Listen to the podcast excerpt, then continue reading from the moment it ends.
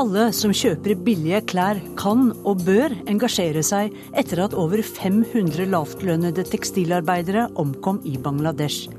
Deres elendige liv er prisen for vårt billige tøy, sier Fremtiden i våre hender. Aldri har det vært farligere å rapportere fra konflikter. Vi har møtt en modig journalist fra Vest-Sahara. Prisen er høy, men jeg betaler den for barnas skyld, sier Maha Al-Kahtani til NRK. Mannen hennes er dømt til ti års fengsel for å kreve reformer i Saudi-Arabia. Problemet er ikke okkupasjonen, mener Israels statsminister. Palestineren vi har møtt i Hebron mener noe annet. Han forteller om et umulig liv under okkupasjonen. Men Torah-rullen min får du aldri. Jødiske kvinner kjemper for likestilling foran klagemuren i Jerusalem. Vi skal, det, vi skal til det historiske valget i Malaysia og til en opprørende rettssak i Tyskland før vi åpner korrespondentbrevet som er postlagt i Bagdad ti år etter USAs invasjon.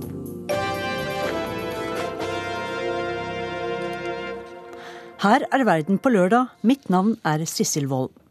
Ja, som vi hørte, så bekrefter Israel at flyvåpenet deres har bombet mål i Syria.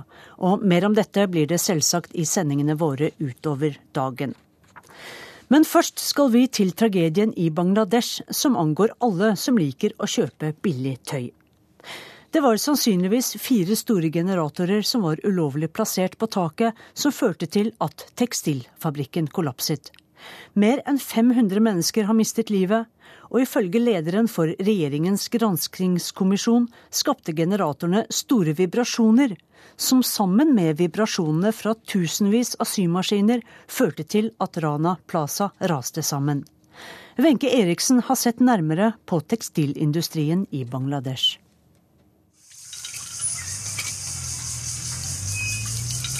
Hver morgen våkner det lutfattige Bangladesh til en ny dag i kampen for tilværelsen. Det er alltid kvinnene som står opp først for å stelle i stand til familiene sine. De bor svært enkelt. Kanskje er det bare et skur eller en hytte. Kanskje har de strøm, kanskje en vannkran, kanskje en pumpe. Men toalett har de nokså sikkert ikke. Og hver morgen når familien har fått sitt, går det en jevn strøm av bangladeshiske kvinner til en av de få sysselsettingsmulighetene de har. De går til en jobb i tekstilfabrikkene.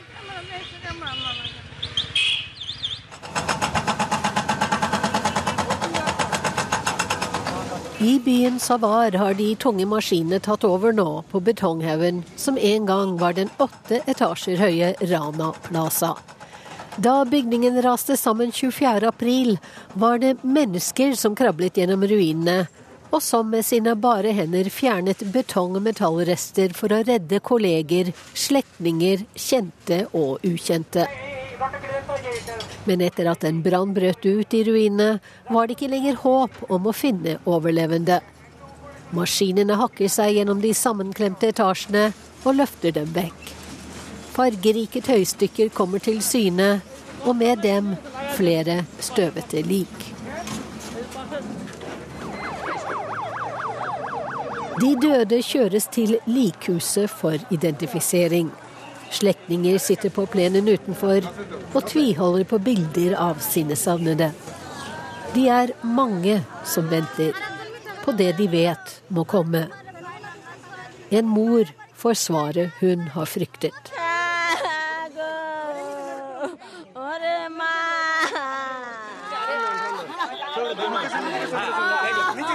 Noen av de døde legges i en massegrav.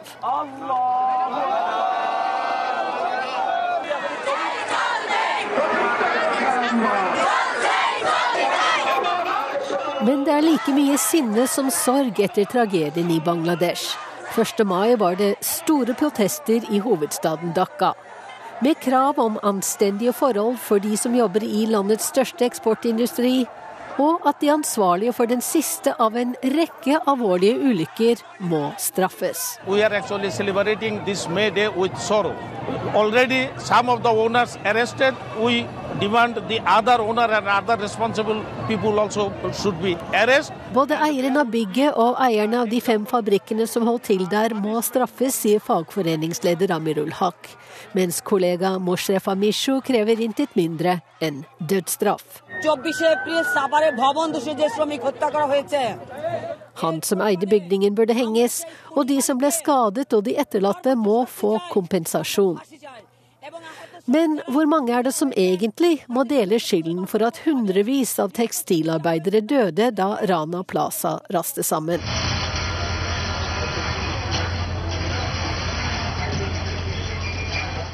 Med nesten 5000 tekstilfabrikker og rundt 4 millioner ansatte er Bangladesh verdens største tekstileksportør etter Kina. Takket være tollfri adgang til det europeiske markedet og gunstige ordninger også for eksporten til USA, utgjør industrien nå 80% av landets eksportinntekter, rundt 115 milliarder kroner per år. Den er selve livsnerven i den bangladeshiske økonomien. Og nøkkelen til suksessen? Svært lave kostnader. Tekstilarbeiderne, 80% av dem er kvinner, jobber seks dager i uken i dårlige lokaler for rundt 260 kroner i måneden. Klærne de syr, og som vi i Vesten synes er kjempebillige, vil de selv aldri ha råd til å kjøpe. I need engineers. I need, I need a government who has a proper procedure so that any building before it is even filled with people has gone through this checking.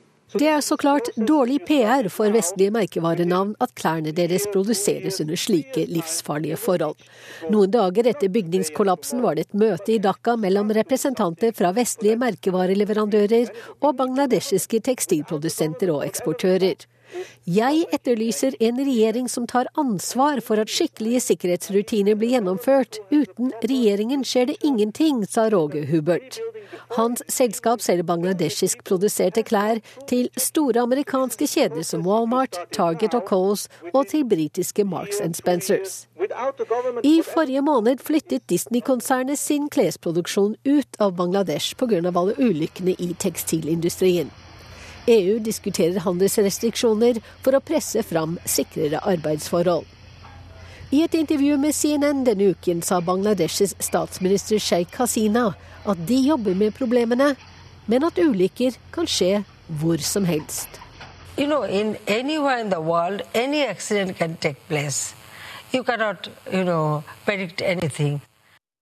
Ifølge Hennes og Maurits lister har konsernet 164 samarbeidspartnere i Bangladesh. Men kleskjeden ville ikke stille opp til intervju med NRK. Arbeiderne mangler fagforeninger, og jeg spurte Karin Lefler, rådgiver for etikk og leverandørkjeder for Fremtiden i våre hender, om hvorfor de er så dårlig organisert. Det, det, har nå flere årsaker. Det ene er helt klart at det er en eh, kraftig kvinnedominert eh, sektor. Det er også veldig mange som kommer tilreisende f.eks. til Dake. og man står uten et, si, et sikkerhetsnett. Man er veldig utelatt til omstendighetene eh, og fabrikkeiernes eh, lynne. Eh, men en helt annen ting er at det er et lite fagforeningsvennlig klima i Bangladesh. Vi ser gang på gang at eh, demonstrasjoner blir hardt slått ned på, og folk som ønsker å gjøre sin stemme hørt eller prøve på det, blir trakassert, og de blir svartelister kanskje fra, fra, jobbene. De mister jobbene sine. Eh, og det er en rekke andre eh, ting som kan skje med dem eh, hvis de prøver å organisere seg. Hvem er det som eh, vil hindre dem i å organisere seg i fagforeninger? Det er nok eh, delvis eh, myndighetene. Det er jo veldig klare politiske linker mellom det politiske etablissementet og BGMEA, som arbeidsgiverorganisasjonen, og fabrikkeierne. Det er, det er helt klart. Mange av disse fabrikkene leverer jo til Hennes og Maurits og mange andre store kjeder der hvor vi eh, ofte går og kjøper billige klær. Og i fjor så lå Hennes og Maurits øverst på verstinglisten til eh, Framtiden i våre hender. Hva var det eh, Hennes og Maurits gjorde galt? Eh, vi mener helt klart at eh, de ikke gjør nok for å sikre en levelønn for eh, arbeiderne ved fabrikkene hvor de produserer. Og det hadde de lett kunnet gjøre, det er ikke gjort over en natt, for å si det sånn, men å starte et langsiktig, systematisk arbeid for at folk skal få nok å leve av. Hva er en levelønn? En levelønn er en lønn som dekker de grunnleggende behov. Eh, man skal ikke være nødt til å jobbe mer enn eh, en vanlig arbeidsuke. Eh, det skal settes av litt penger til sparing i tilfelle rottefelle. Altså, hvis det skjer noe i familien f.eks., eller taket raser sammen på huset man bor i. Det er rett og slett for at i Bangladesh er det dårlig eller inget sikkert sosialt sikkerhetsnett, slik at man trenger litt ekstra penger. Men Karin Lefler, er ikke vi alle med på å opprettholde dette umenneskelige systemet ved at vi handler på henne som Maurits, Benetton og andre kjeder? For vi vil jo ha billige klær? Ja, eh, det er klart vi vil ha billige klær, men eh, jeg er helt sikker på at eh, hvis forskjellen hadde vært to kroner mer for en T-skjørt, og hvis de pengene da skulle gå for å sikre en levelønn for arbeiderne, så er jeg 100% sikker på at norske forbrukere og forbrukere i Europa ellers ville ha stilt opp på det. Men du spør om vi ikke er med alle sammen på dette. Jeg ville være veldig forsiktig med å legge skylda på forbrukerne. Jeg tenker at det er selskapene, de store kleskjedene, som har delvis ansvaret.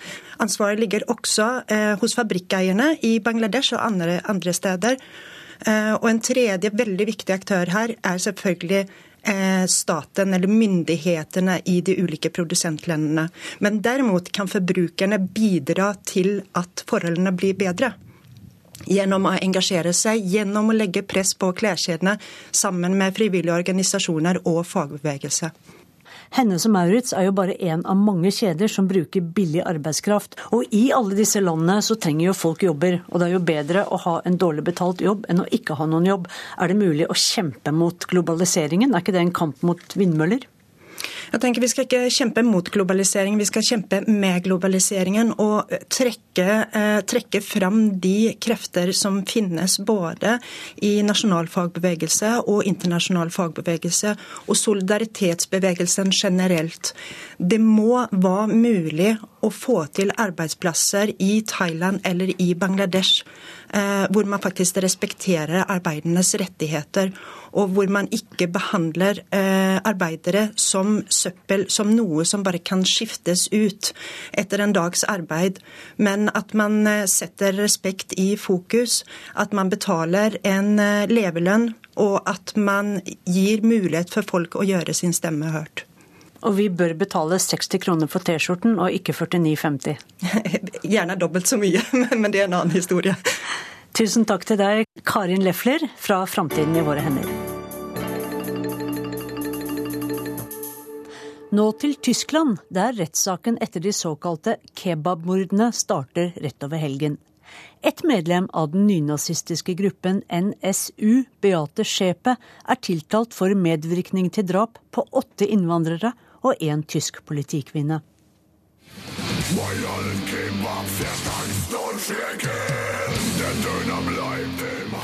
Denne uhyggelige nazisangen er det mange tyskere forbinder med de såkalte kebabmordene.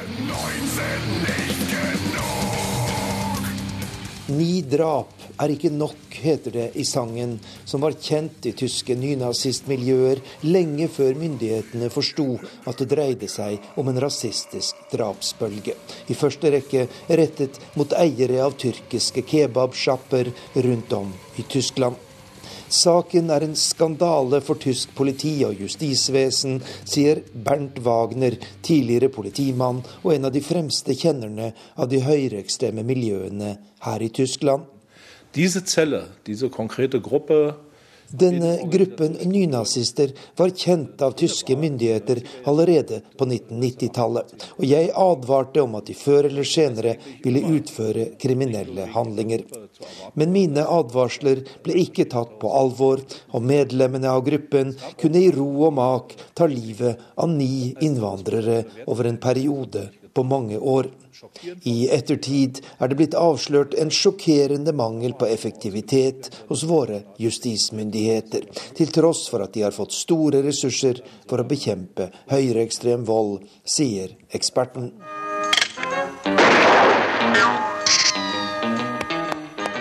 Det var denne bisarre videoen som løste mordgåten i november 2011. Den ble funnet hjemme hos to av nynazistene etter en politijakt som endte med at de begikk selvmord. I videoen tilstår de unge nynazistene Ove Montlås og Ove Bøhnhardt at de i sju år har reist rundt i Tyskland og myrdet innvandrere. Senere ble et tredje medlem av gruppen, Beate Schepe, arrestert. Avsløringene sjokkerer Tyskland og fører til en omfattende politisk oppvask. Vi sind ein Rechtsstaat, das Recht verbindet uns und deshalb werden wir nicht vi er en rettsstat, og det forplikter, sier forbundskansler Angela Merkel på et arrangement for familiene til de ni innvandrerne og den tyske politikvinnen som ble drept av nynazistene. Vi vil ikke gi oss før alle omstendigheter rundt disse skrekkelige drapene er oppklart, sier forbundskansleren.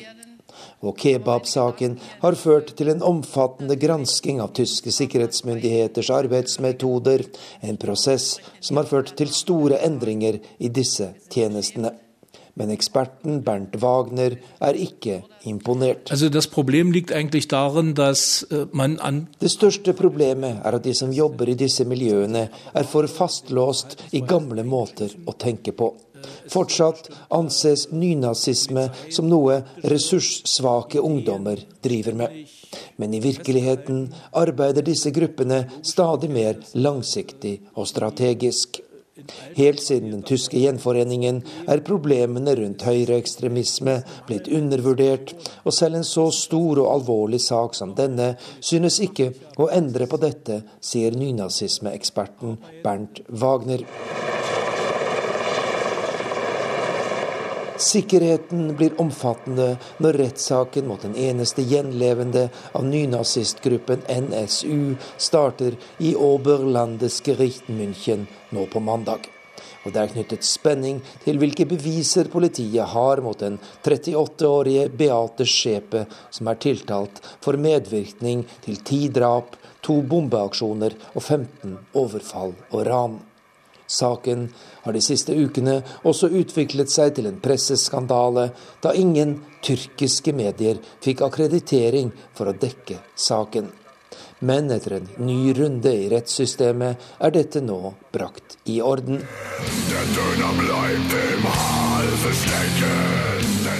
Det er en av de mest uhyggelige og oppsiktsvekkende kriminalsaker her i Tyskland de siste årene, som nå skal opp til doms. Og det handler om langt mer enn en kjennelse og en straffeutmåling. Det handler om tilliten til at tyske myndigheter er i stand til å beskytte sine borgere, også dem som har et utenlandsk opphav.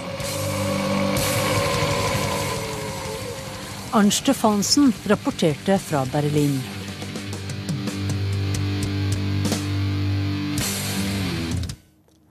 Å være journalist i konfliktområder er farligere enn på lenge. Aller farligst er det i Syria, der hele 36 journalister har mistet livet de to siste årene. En annen risikosone er det omstridte området Vest-Sahara. Vi har møtt en ung journalist fra det okkuperte ørkenlandet.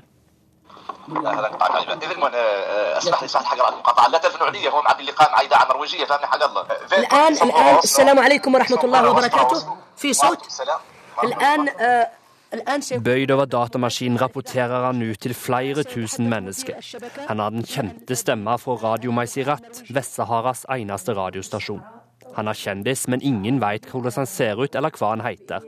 Straffa kan være hard om marokkansk politi finner ut hva han driver på med.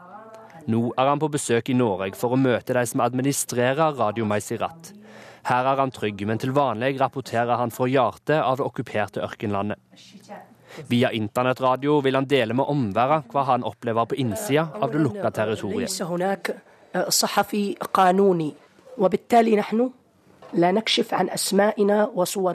Det finnes ingen lovlige journalister i Vest-Sahara. Derfor har vi ikke noe bilde av oss sjølve, vi offentliggjør ikke navnene våre, og vi jobber 100% hemmelig. Radiokanalen ble opprettet i 2009, og målet er å få slutt på okkupasjonen og å avsløre kriminaliteten som blir utført av den marokkanske stat.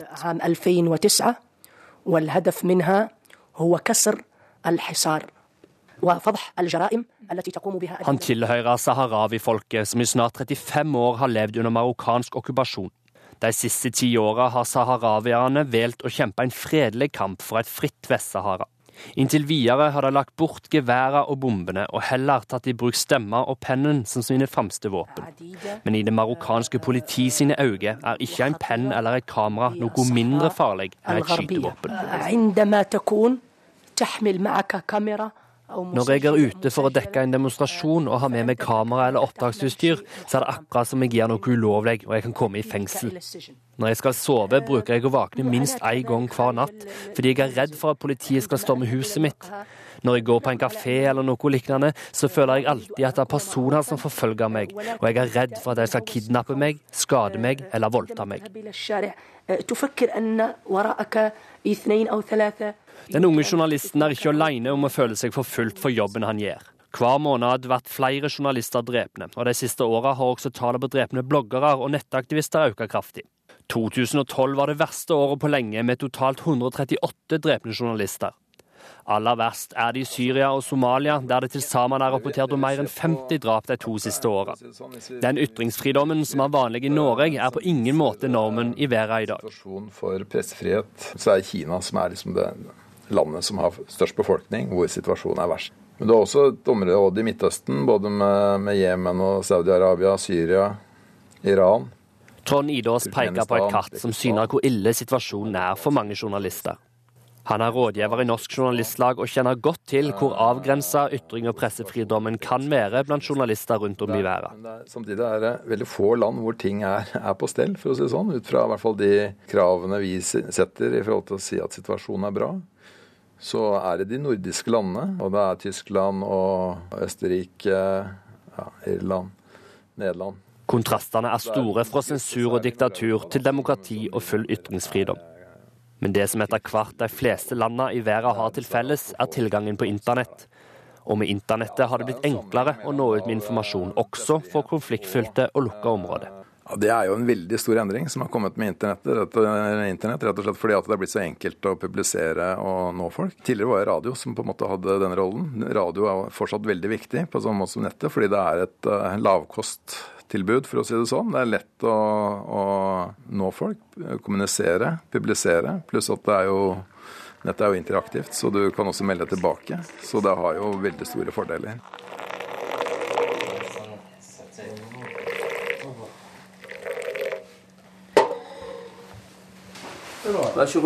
I heimen sin på Grønland i Oslo serverer Sid Ahmed Mohammed Fadel te fra Vest-Sahara. Han er en av de mange som hver kveld logger seg på Radio Maiserat for å få nyheter hjemmefra. Western Sahara, Radio Maiserat.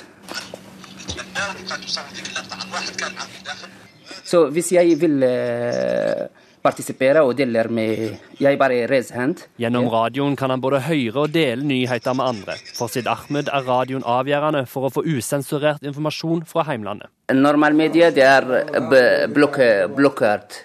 De, de kan ikke gå til Vest-Sahara eh, for å ha uh, riktig informasjon fra Vest-Sahara. Så uh, vi har bare internett. هذه شعارات للمطالبة بالاستقلال den saharawiske journalisten syner fram en video på YouTube. Radio Meisirat videreformidler ikke bare lyd.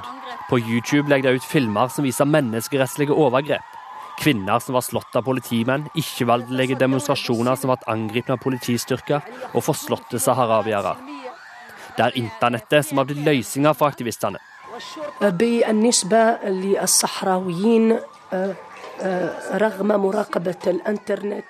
Internettet er viktig for oss fordi det hjelper saharawiere over hele verden til å holde kontakten og til å holde seg oppdatert om den siste utviklinga. Vi kan gi et realistisk bilde av hva som skjer i Vest-Sahara av brudd på menneskerettene. Marokko ønsker å føre en politikk som holder oss utenfor, og folk i andre land vil tro det går bra med saharawierne. Men virkeligheten er helt motsatt, og vi jobber med å ødelegge det bildet som marokkanske styresmakter skaper. Det sier den unge journalisten, fast bestemt på å kjempe videre for ytringsfridommen og det han tror på. المفروض على المنطقة Det sa mannen bak Radio Maiserat til reporter Vegard Kjørholm. Også i Saudi-Arabia er det en risikosport å ytre seg, for nå er to reformforkjempere kneblet og satt bak lås og slå. Den ene, Mohammed al-Qahtani, er dømt til ti år i fengsel for å ha oppfordret til sosial uro, for ikke å adlyde kongedømmets hersker og for å ha gitt utenlandske organisasjoner og pressefolk feilaktig informasjon om Saudi-Arabia. Kona Maha al-Qahtani sier at hun villig betaler den høye prisen fordi det handler om barnas fremtid. Da NRK sist traff Mohammed al-Qahtani i 2011, holdt han fast på at det saudiarabiske kongedømmets dager er talte. No doubt. The future will be the future of the people um, holding the power not a small elite group dictating whatever people say, whatever people get. That's over. That era of uh, brutal dictatorship, absolute monarchy is over. Fremtiden tilhører folket, ikke en liten elite som skal diktere alt folk skal si og gjøre. Den tiden er over. So either you change, or you will be forced to change, or you lose it entirely. Kongefamilien kan velge mellom endring og reform, eller å miste makten helt sier den USA-utdannede økonomen. Men å styrte kongefamilien, nei, det vil han ikke. Not, you know, Vi vil ha et konstitusjonelt kongedømme. Vi vil at folks stemmer skal høres gjennom demokratiske valg. For om vi ikke snart får reformer, er jeg redd for hva vi har i vente. I verste fall kaos, sa Al-Qahtani til NRK i 2011. Men å ytre et ønske om å frata den eneveldige kongefamilien makt, ja, det gjør ingen saudi-araber ustraffet. I 2009 var Abdullah al-Hamid og Mohammed al-Qahtani med på å stifte menneskerettighetsorganisasjonen AKPRA, Saudi Civil and Political Rights Association. Reformforkjemperne krevde at politiske fanger skulle settes fri, at folk måtte få ytringsfrihet, og at kongedømmet måtte gjennomføre politiske reformer. Al-Qahtani satt også i passasjersetet mens kona Maha kjørte bil i Riyads gater, da kvinnene aksjonerte i sin Woman to Drive-kampanje i fjor. Og etterpå tvitret han om den 45 minutter lange kjøreturen med kona. I fjor fikk det strengt konservative og sharia-styrte kongedømmet nok av slik rebelsk oppførsel. 9. mars dømte straffedomstolen i Riyadh de to reformforkjemperne. Al-Hamid fikk fem år i fengsel og reiseforbud de neste fem. Al-Qahtani fikk ti år, med reiseforbud de neste ti årene. I elleve år bodde Al-Qahtani i USA. Nå har kona Maha flyttet tilbake dit med parets fem barn. Hver uke ringer mannen fra fengselet. You know, he didn't get used to live, you know, around the criminals, killers and uh, drug users and thieves. So. Sier Maha Al-Qatani til NRK. Med jurister og støttespillere jobber hun med anken, og håper inderlig at mannen ikke blir sittende ti år i fengselet. It's just hard to think, you know, I, at the first it was shocking.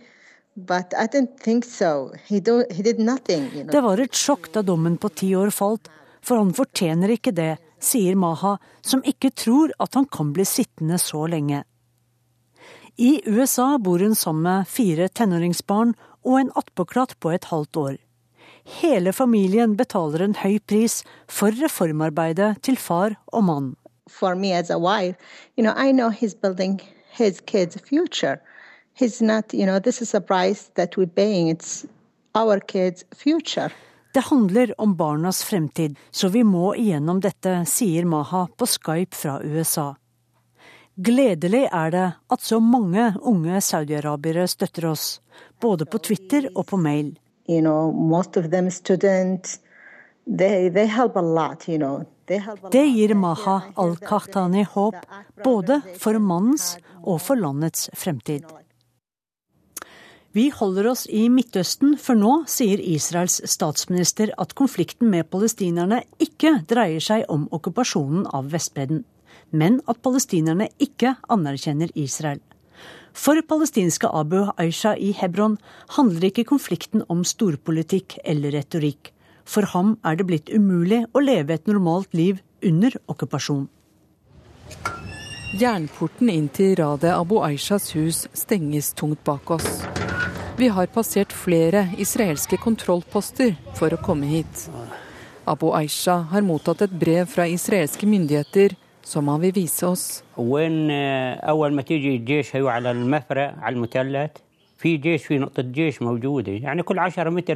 Brevet kom via den militære kontrollstasjonen i veikrysset rett her nede i går. Du vet at det finnes kontrollstasjoner hver tiende meter, spør han. De har sendt papirer om at de skal plassere enda et vakttårn i nærheten, rett der nede i veien. Ansiktet hans har dype furer, hodet er dekket av et palestinaskjerf, og når han går, støtter han seg til stokken. Familien bor i åssiden til Romeida i Hebron. Huset har vært i slekta i generasjoner. Nå er de snart de eneste palestinerne som bor her, fordi bosetterne har slått seg ned på den andre siden av den smale veien.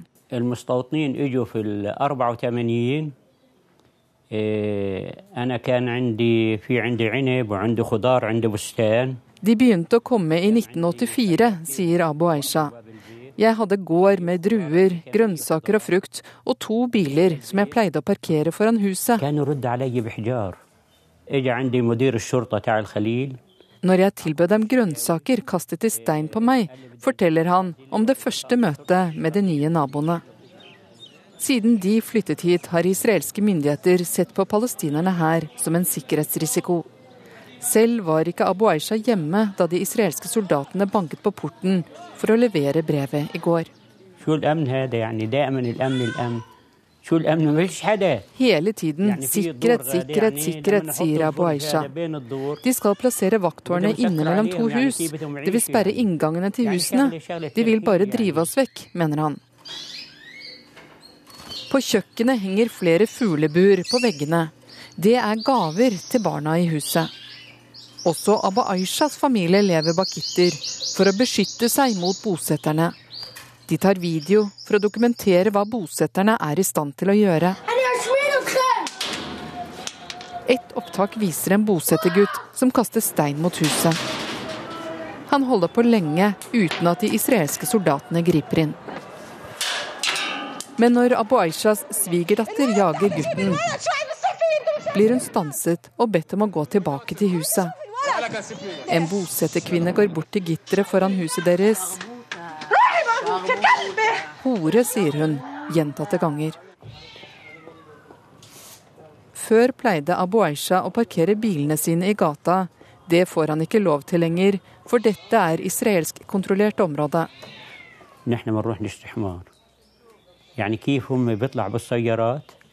Da de forbød oss å bruke bil, sa de 'kjøp deg et esel'. Da svarte jeg 'her sender man folk til månen, og så ber dere meg kjøpe esel for å komme frem'. Men det er kontrollpostene som gjør livet uutholdelig. Abu Aisha har derfor bestemt seg. Han vil gå og levere en klage. Her er det de vil bygge vakttårnet, sier han. Han leter frem papirene fra innerlomma. Rett ved siden av ligger det noen ruiner. Det var en kobberfabrikk som jeg drev, forklarer han. Vi støpte ett tonn kobber om dagen, men bosetterne klagde på røyken. Politiet hentet hæren og stengte den, sier han. Nederst i den bratte bakken ligger den gamle hovedveien i Hebron. Nå er den sperret av en israelsk kontrollpost. På den andre siden er det livlige handelsgater. Husene i gamlebyen er datert tilbake til 1400-tallet. Hebron er en av de eldste byene i verden, hellig for både muslimer, kristne og jøder, fordi Abraham ligger begravet her. Flere av smugene har israelske myndigheter sperret av, for å hindre ferdsel inn i den tidligere hovedgata. Over de trange gatene henger netting for å beskytte handelsmennene under mot søpla bosetterne kaster ned. I et av husene ligger organisasjonen Hebron Rehabilitation Committee, som Norge støtter med millioner av kroner, og der Abu Aisha kan få advokathjelp. Han forteller advokaten om det planlagte vakttårnet. Han sier at forrige gang bygget de en hel militærleir på tomta. Advokaten lover å skrive en klage til de israelske myndighetene. Abu Aisha mener det er gode grunner til å klage. Militærpostene har kostet nok liv. Da hans første kone ble alvorlig syk, ba de om å få tilsendt sykebil, men ble nektet. De bar henne, men hun døde før de kom frem til sykehuset. Det har gått noen uker når vi på ny lukkes inn bak den tunge jerndøra. Hvordan har det gått med klagen? Men Abu Aisha har ikke hørt noe ennå, sier han. Han frykter hva som kommer til å skje hvis det blir bygget. Enda et sted hvor de blir stanset for å få sjekket ID-kortet. Det kan få enda flere palestinere til å flytte, frykter han. Ja, det var Åse Marit Befring som rapporterte fra Hebron.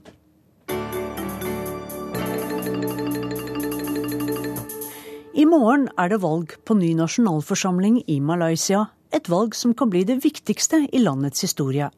For i hele 56 år har det samme partiet sittet med makten. Men nå kan opposisjonen vinne.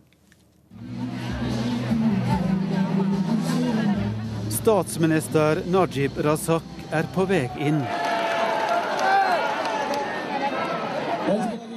Det er valgkamp i byen Perak.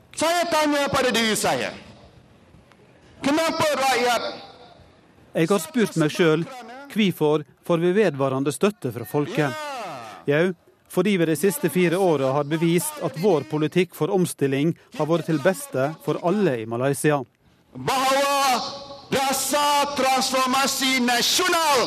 Han har tro på valgsiger i morgen, men statsminister Najib Razak har fått en tøff utfordrer.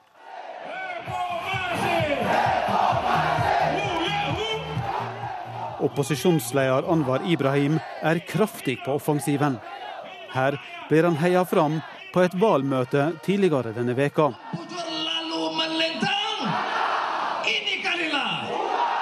Vi vil ha reformer, vi vil ha forandring, roper han ut til de mange som har møtt fram for å høre i byen Seramban. Det står altså mellom utfordreren Anwar Ibrahim og statsminister Najib Razak.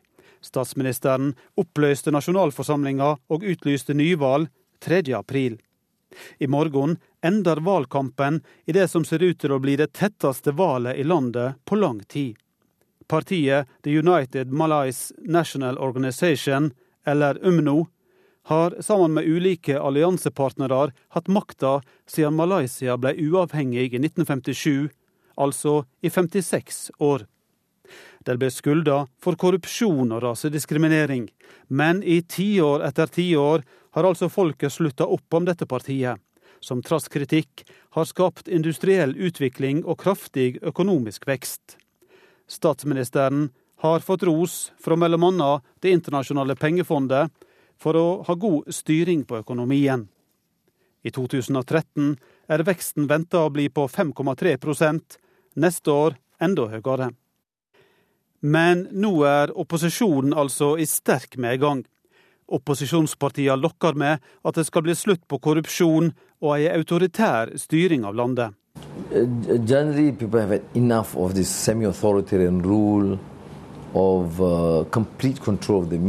Folk har fått nok av halvautoritært styre, full statlig kontroll av media, av sterk arroganse og av korrupsjon, sier opposisjonsleder Anwar Ibrahim.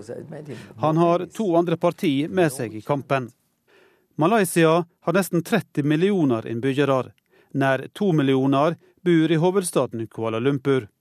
Malayene er den største folkegruppa med vel 60 Deretter kommer kineserne, som utgjør rundt 25% Litt under 10% er indere. I don't want poor Malays to be, to be left marginalized Jeg vil ikke at fattige malayaer skal bli marginaliserte, at folk med kinesisk opphav skal bli diskriminerte, eller at inderne skal bli ignorerte, sier Anwar Ibrahim. Han tror fullt og fast på at det går mot siger i morgen, når over 13 millioner kan gå til valgurnene. Jeg sier inshallah, vi vil succeed. Given the scenario now, all surveys, all results, that we will win quite comfortably. Om Gud vil, skal vi vinne. Ser vi på meningsmålingene, tyder alt på at vi vil vinne med god margin, sier opposisjonsleder Anwar Ibrahim. Men uavhengig av hva resultatet blir, vil det få mye å si for den demokratiske utviklinga ikke bare i Malaysia, men også i resten av Sørøst-Asia. Our preoccupation should be to govern, govern justly. Vi vil styre på rettferdig vis, sier opposisjonslederen. Reporter var Eivind Molde.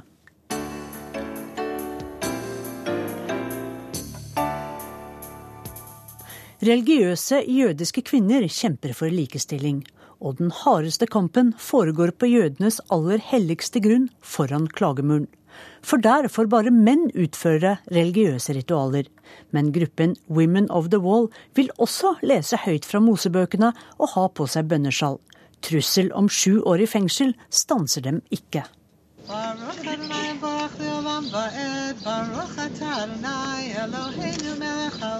En kvinne leser fra Torarullene ikke langt fra klagemuren i Jerusalem. Ikke foran klagemuren, for der er det forbudt for kvinner å lese høyt fra Den hellige skriften. Siden desember 1988 har denne gruppen kvinner kjempet for å få utøve religiøse ritualer foran vestveggen som står igjen etter kong Herodes tempel, som ble ødelagt i år 70. Bare menn får gjøre det nå. Women of the Wall sier de vil frigjøre vestveggen, de vil likestilles. Så Women of the Wall gjør som mennene. De har bønnesjal over skuldrene, går med kalott på hodet, og lederen, Anat Hoffmann, bærer en torarull, altså en sammenrullet mosebok. Den første dagen i hver jødisk måned møter de til bønn. Ofte går det slik som det gikk i april i år. Anat Hoffmann bærer en tårarull. Hun er omringet av kvinner som synger og lovpriser Gud. Og det tar ikke lang tid før politiet ankommer. Kom deg bort nå, Anat. Bort med deg, roper politimannen. Hoffmann klamrer seg til tårarullen sin idet politiet forsøker å ta den fra henne. Den er min, den er min, roper hun idet hun arresteres og dyttes inn i politibilen. Loven i Israel er klar. Det er forbudt med seremonier i kvinnenes område foran klagemuren, som innebærer lesing fra en torarull, blåsing av et bukkehorn eller bruk av bønnesjal. Et brudd på denne loven kan straffes med sju år i fengsel. Sju år forklarer Hoffmann i filmen 'Women of the Wall' av Dan Katzir. De fire retningene innen jødedommen er ultraortodoks, ortodoks, konservativ og reform. Den liberale reformretningen, som er særlig utbredt i USA, tillater kvinnelige rabbinere, men i det langt mer religiøse Jerusalem er dette uhørt. Mannen har sin oppgave, og kvinnen har sin. Det er forbudt å blande disse rollene. Kvinnen må ta seg av huset og oppdra barna til å respektere Toran og budene, sier en ung ultraortodoks mann. De som krenker Torans bud, ender i helvete, roper en ultraortodoks kvinne til Women of the Wall. Til BBC sier Anat Hoffmann. For the rest of the Jewish world. The wall is not just a holy place, it's the holiest place for Jewish people. And Reform, conservative, secular Jews are the majority of the Jewish people. De ultraortodokse skal ikke diktere flertallet av jødene, som jo er konservative og sekulære. Rabbiner Moshe Friedman fra den ortodokse menigheten Northwood i London mener det er klare grenser. Absolutely. There are some things which are absolutely fixed. There are boundaries in Jewish law. Endring innen den ortodokse jødedommen må skje sakte, sier rabbineren, som mener at kvinner ikke skal utføre religiøse handlinger ved klagemuren. 11. april ble fem kvinner arrestert for å ha brutt reglene ved klagemuren. 10. mai er de i gang igjen. Ukens brev er skrevet i Bagdad og sendt til oss fra Midtøsten-korrespondent Sigurd Falkenberg Mikkelsen. Vi brydde oss aldri om Irak. Ikke egentlig. Alle disse protestmarsjene, disse spaltemeterne, alle våre politikeres halvsannheter og halvløgner. Det dreide seg om noe annet. Det dreide seg om oss selv, om vår egen posisjon i verden. Vårt forhold til amerikanerne. Ja, disse amerikanerne som jo ikke forstår den verden de dominerer. Men se, så snart den siste amerikanske soldaten krysset grensen mellom Irak og Kuwait, forsvant også vårt engasjement, vår interesse. Igjen ligger et land med brukket rygg, med hundretusener av enker og foreldreløse barn.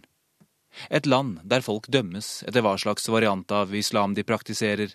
Et land der mange av de kristne urmenighetene har forsvunnet, flyktet som offer for kaoset, for volden.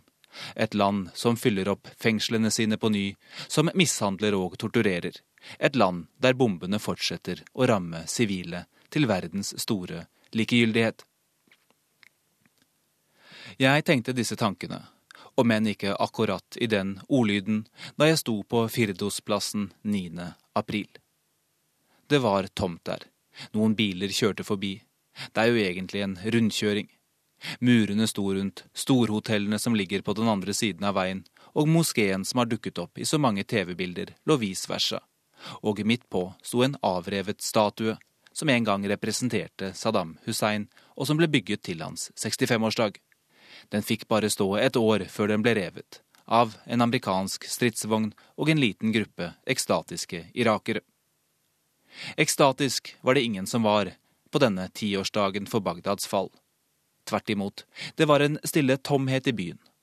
Offentlige ansatte hadde fått fri, mange andre holdt seg innendørs av frykt for angrep, og journalistene, de som en gang fylte opp hotellene på den andre siden av veien, har sluttet å komme hit. Den eneste jeg traff der, var en kinesisk kvinne fra Hongkong, som kom fordi hun hadde vært der den dagen for ti år siden, men som skulle dra igjen om et par dager. Hun beskjeftiget seg ikke spesielt med Midtøsten lenger. Noen dager senere dro jeg til Mutanabi-gaten. Jeg har lengtet etter å besøke denne gaten igjen i flere år. For det Bagdad som åpnet seg i etterkant av invasjonen, lukket seg raskt. Lukket seg om sin egen krig, en krig mot amerikanerne, med hverandre om framtidige maktforhold, og byen ble umulig å være i for utlendinger, i hvert fall være i med en viss frihet. Jeg var her sist i 2007, på en marerittaktig reise som jeg var heldig å overleve. Mutanabigaten strekker seg fra Tigris opp til den gamle, falleferdige kolonibebyggelsen på Al-Rashid-gaten på østre bredd. Gaten og området er fortsatt sperret for biltrafikk. En politimann kikket gjennom ryggsekken min på vei inn. Han var ikke særlig fornøyd da han så et valgprogram som jeg hadde tatt med meg fra fredagsbønnen hvor jeg hadde truffet noen av toppene i sjiamuslimske Muqtada Saders bevegelse, men han slapp meg inn etter en runde med forklaringer. Det var akkurat i tide, for bokselgerne hadde begynt å rydde unna varene. Mye var som jeg husket det i denne gaten. Bokselgere med alle verdens bøker, fra obskure manualer til for lengst utdaterte dataprogram til gamle postkort. Jeg rakk å finne en bok jeg ville ha, en fransk-arabisk ordbok fra 1932, trykket i Beirut, som en påminnelse om det gamle munnhellet om at bøker skrives i Kairo, trykkes i Beirut og leses i Bagdad. Nede ved elven står en statue av mannen som har gitt navnet til gaten, poeten Abu Taib al-Mutanabi. Selv en reisende mellom de store arabiske byene. Både av ønske, men særlig av nødvendighet, flyttet han seg mellom Damaskus, Kairo og Bagdad, hvor han til slutt ble drept av en mann poeten hadde fornærmet. Mutanabi levde i det tiende århundret, den gang Bagdad hadde sin storhetstid. Den er for lengst over, men de kjente ordene hans om at hvis du ser en løves tenner, tro ikke at han smiler til deg, klinger like foruroligende godt i dag. Like ved statuen, på et hjørne, ligger kafeen Shabandar. Jeg fikk meg ikke helt til å tro at den var der, at den fortsatt sto, at den var full av mennesker.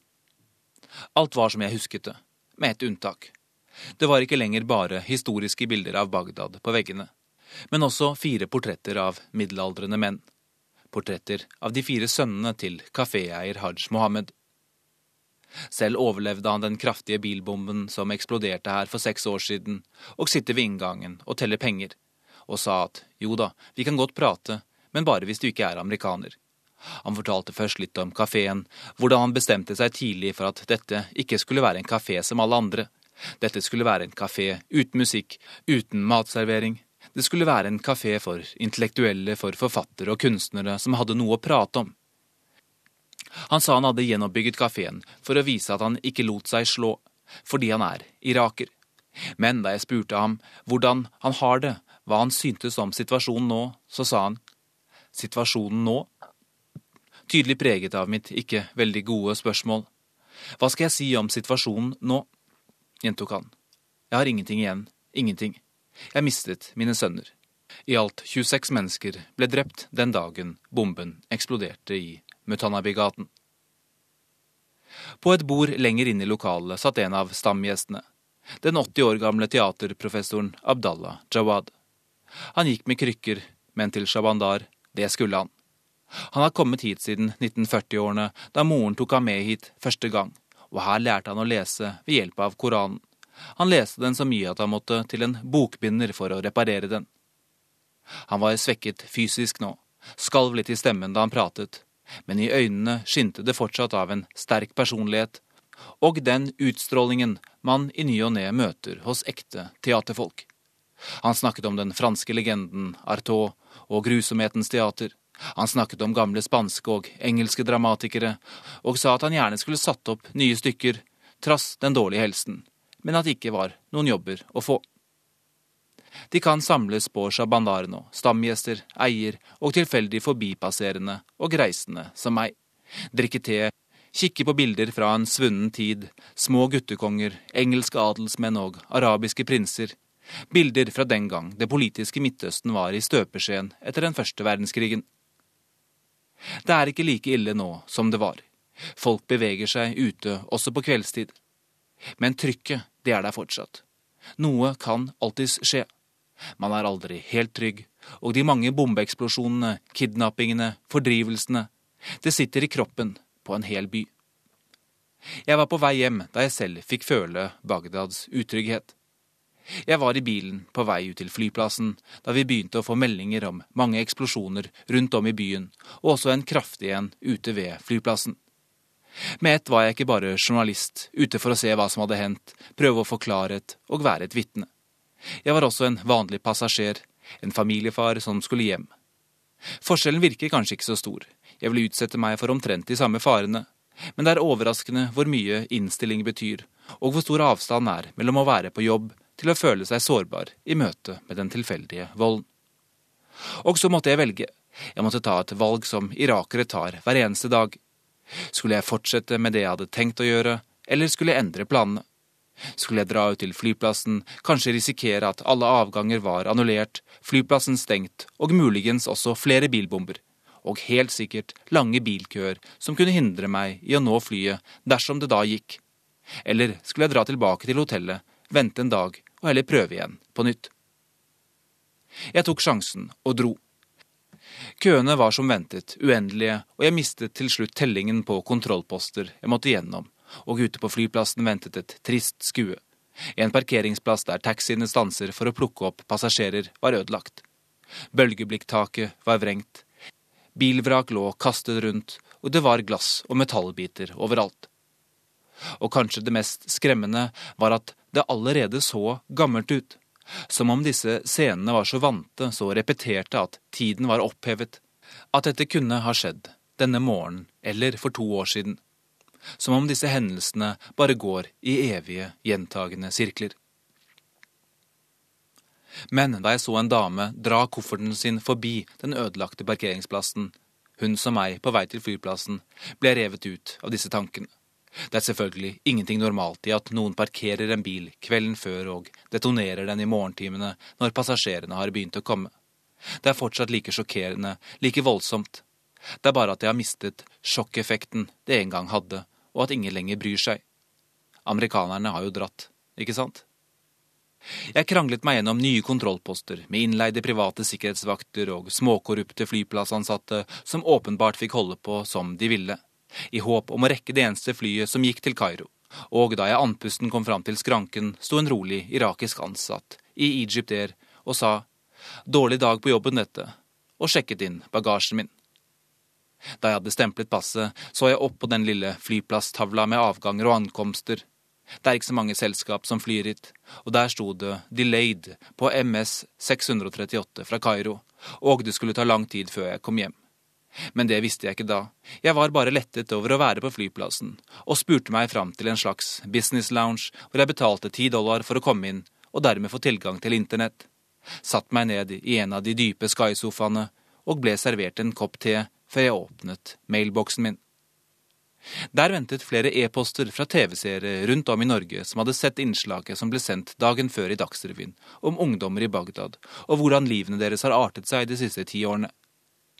Jeg hadde truffet en 15-åring fra den fattige forstaden Saderbyen på en fotballøkke. Han hadde karisma, en driv som trener for en kompisgjeng som hadde rørt flere enn meg. Det var folk som ville hjelpe, som lurte på hvordan de kunne sende utstyr nedover til laget. Noen av dem foreldre som opplevde hvordan norske unger velter seg i nytt utstyr og tilsynelatende uendelige muligheter. Kanskje er det ikke slik at vi helt har sluttet å bry oss, i hvert fall ikke alle, men at det heller dreier seg om en avmaktsfølelse, at mange ikke vet hvordan de skal bry seg, at de kjenner en slags nummenhet av å vite mer eller mindre hva som skjer, uten mulighet til å påvirke. Et par fotballstøvler forandrer selvsagt ikke verden, men det viser at vi ikke helt har glemt hverandre. Og med dette lille håpet takker vi for oss, teknisk ansvarlig Stein Nybakk, skript Lars Christian Rød og ansvarlig for innholdet Sissel Wold. Fortsatt god helg.